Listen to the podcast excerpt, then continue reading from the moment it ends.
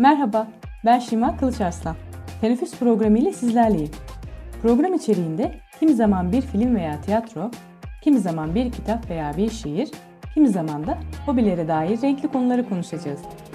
Konuklarımı hekim kimlikleriyle değil, günlük yaşantılarında yapmaktan en keyif aldıkları aktivitelerle ağırlayacak, merak ettiklerimi sorup önerilerini kulak vereceğim. Programın adından da anlaşılacağı gibi nefes almak, dinlenmek ve eğlenmek için kısacık bir ara.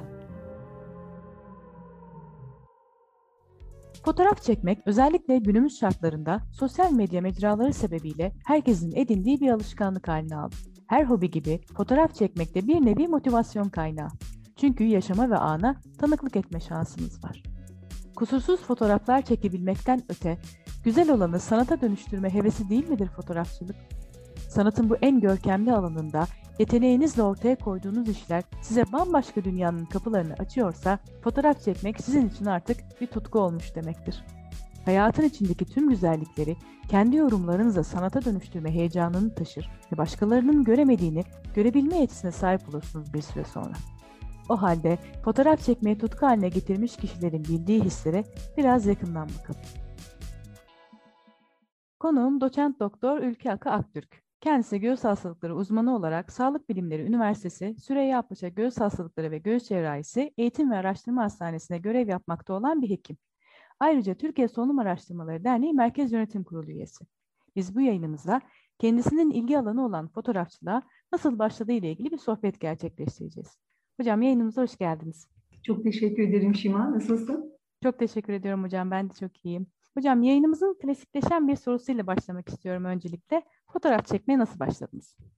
Ee, Şimacığım şöyle, e, ben e, Ürgüp Nevşehir doğumluyum. Bir buçuk iki yaşında Ankara'ya, dedem emekli öğretmen. O emekli olduktan sonra e, Ürgüp'te Ankara'ya yerleştik ailece. Dedem emekli olduktan sonra babamla ve dedem bir fotoğrafçı dükkanı Ankara'da açmışlardı ve babam bir süre kamusal bir yere geçene, kamu kamuya geçene kadar orada çalışmıştı.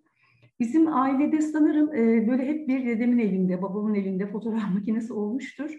E, çok fazla da fotoğrafım vardır benim de çocukluğuma, bebekliğime ait. Yani çok fotoğraf albümü olan bir aileden geliyorum. Mutlaka etkisi olmuştur bunun ileriki yaşlarımda. Daha sonra asıl ama benim fotoğraf makinesini elime almam ortaokul lise çağlarında babamın elinde eski böyle Alman markası bir Voigtlander marka bir e, bir fotoğraf makinesi vardı. Böyle manuel netlenen bir makine ve film kullanılan kompakt bir makine. Onunla başladım önce ama babama ait bir makinaydı. Önce onunla başladım. Çok keyif aldığımı, insanların duygularını, doğadan ziyade böyle daha çok insan fotoğraflamayı daha çok seviyorum galiba. Onların duygularını, yüzlerindeki ifadeleri e, fotoğrafa yansıtmaktan çok daha keyif aldım. Sonra üniversitede Liseden sonra tıp fakültesini kazan, kazanınca Ankara'da üniversitede kısa bir teorik e, eğitim alma imkanım oldu. E, birkaç aylık e, fotoğrafçılıkla ilgili, temel fotoğrafçılıkla ilgili. Yine o, o şekilde devam ettim biraz daha amatör, tamamen amatör çekim yaparak. Ama sonraki asistanlığım, göğüs hastalıkları asistanlığına başlarken o zaman ilk defa para biriktirip bir Nikon F80 bir marka, analog bir SLR bir fotoğraf makinesi almıştım. O da yine film, o klasik 36 pozluk film takılan bir makinaydı. 2009'a ee, kadar falan bu makineyi kullandım. Bu arada ihtisası kazandıktan sonra İstanbul'a geldim ve İstanbul'da bazı fotoğrafçılık derneklerine de üye oldum. Yine arada ufak tefek eğitimler var. Biraz ileri fotoğrafçılık gibi ya da fotoğrafların saklanması veya karanlık oda eğitimleri gibi. Ee, biraz öyle devam ettim. Ama şöyle itiraf edeyim hiçbir zaman belki iş yoğunluğundan ve eğitimden, e, ihtisas süresinden istediğim kadar vakti e, ayıramadığımı söyleyebilirim. O yüzden de e, belki belli hedeflerime ulaşmam fotoğrafçılıkla ilgili uzun sürecek gibi görünüyor. En son olarak da şöyle oldu. Uzmanlığımı aldıktan sonra, yani ihtisasım bittikten sonra daha iyi bir makineye geçtim. Artık bütün, bütün dünya dijital, e, dünya dünya dijitale dönerken ben de e, film, e, 36 pozluk filmlerden e, biraz sıyrılarak bir dijital fotoğraf makinesi, bir Nikon D300 alarak dijital dünyaya atladım. Son 10 yıl, 10-12 yıldır da elimdeki en son dijital fotoğraf makinesi D300'ü kullanıyorum, Nikon D300'ü. E, böyle başladı ama e, Covid'den dolayı son bir buçuk yıldır e, neredeyse hemen hemen hiç fotoğraf çekemiyorum. Ama kesinlikle bu röportajla birlikte ne kadar özlediğimi e, fark ettim ve e, bir an önce başlayacağımdan eminim. Yani tekrar zaman ayıracağımdan en azından. Böyle başladı. Hocam peki fotoğrafçılık, portre, manzara gibi pek çok örnek vereceğimiz farklı türleri içeriyor. Peki siz hangi alanda daha çok ilgi duyuyorsunuz? Doğru fotoğrafçılığın e, alt bölümleri işte gezi fotoğrafçılığı var, portre var, savaş fotoğrafçılığı var. E, doğru söylüyorsunuz. E, ben sanırım daha çok portre fotoğrafçılığını daha çok seviyorum. E, dijital makineyi aldıktan sonra çektiğim, işte son 10-12 yıldır çektiğim çocuk portrelerinin e, hatta basılmış hali benim evimin bir duvarındadır. Böyle dünyanın ve Türkiye'den ve dünyadan farklı yerlerden çocuk fotoğrafları var. Hatta şu an tam karşımdaki duvarda orada bir e, benim hani beğenip bastırdım ve 20-30 tane bir duvarı dolduran bir fotoğraf e, duvarım var. E, portre benim için e, sanırım daha ilgi çekici ve daha ilgi, bana hitap ediyor öyle söyleyeyim. Hocam merak ettiğim bir soruyu yöneltmek istiyorum size. Ee, başka bir kişinin kadrajını aldığı bir kare için ben de burada olmalıyım dediğiniz bir an oldu mu?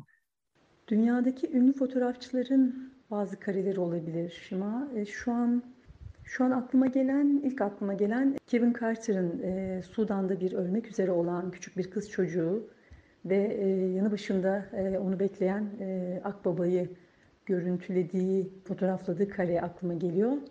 Yani bu kare içinde olmak iste, isterdim yani gerçekten.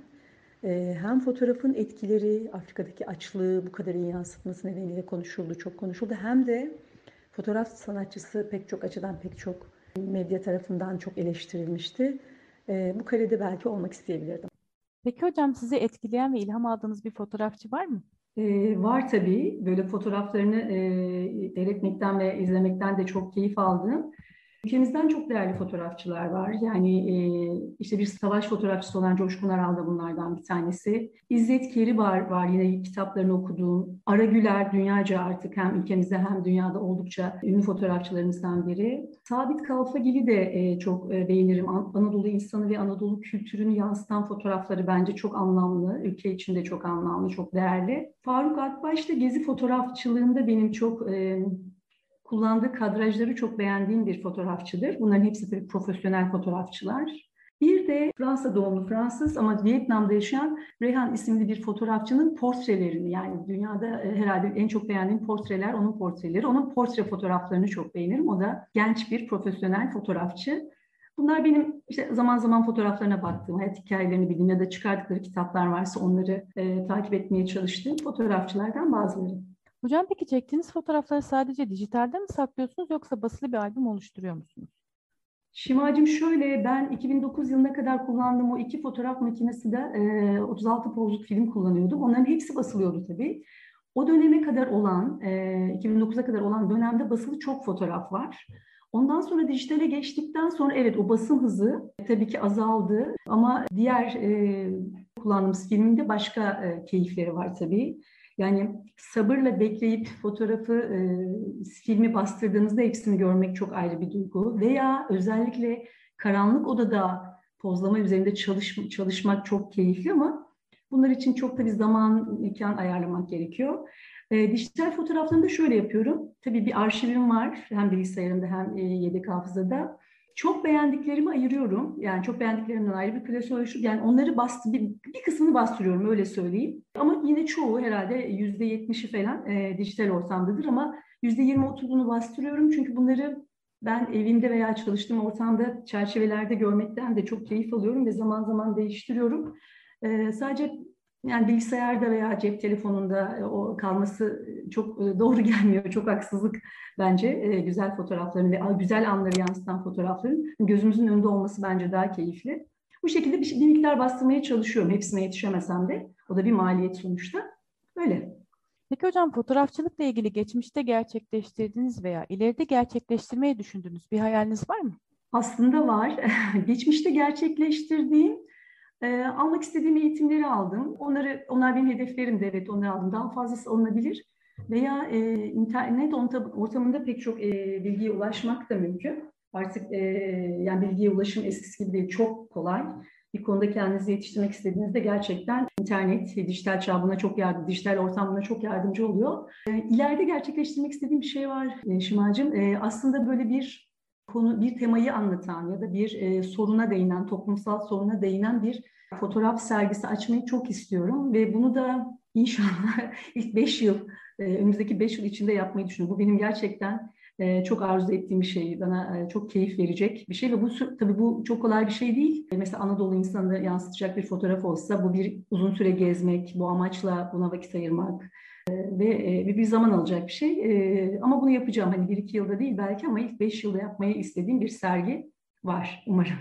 Hocam yayınımızın sonuna gelirken amatör olarak fotoğrafçılıkla ilgilenen kişilere yaşamış olduğunuz deneyimlerden yola çıkarak hangi tavsiyeleri verirdiniz? Fotoğrafçılık da şu demek değil aslında. Yani elinize makineyi alıp her gördüğünüzü fotoğrafa fotoğraflamak değil. Buradan çok anlamlı ve verimli e, fotoğraflar çıkmayacağı gibi kendinizi de bu anlamda geliştirmeniz mümkün olmaz. E, kesinlikle her şeyden önce e, Şima e, mutlaka bu işin bir e, en azından temel fotoğrafçılık eğitimini almak gerekiyor. Bu, bu, bu alanda da eğitim şart bence. Ve bir makine almanız gerekiyor.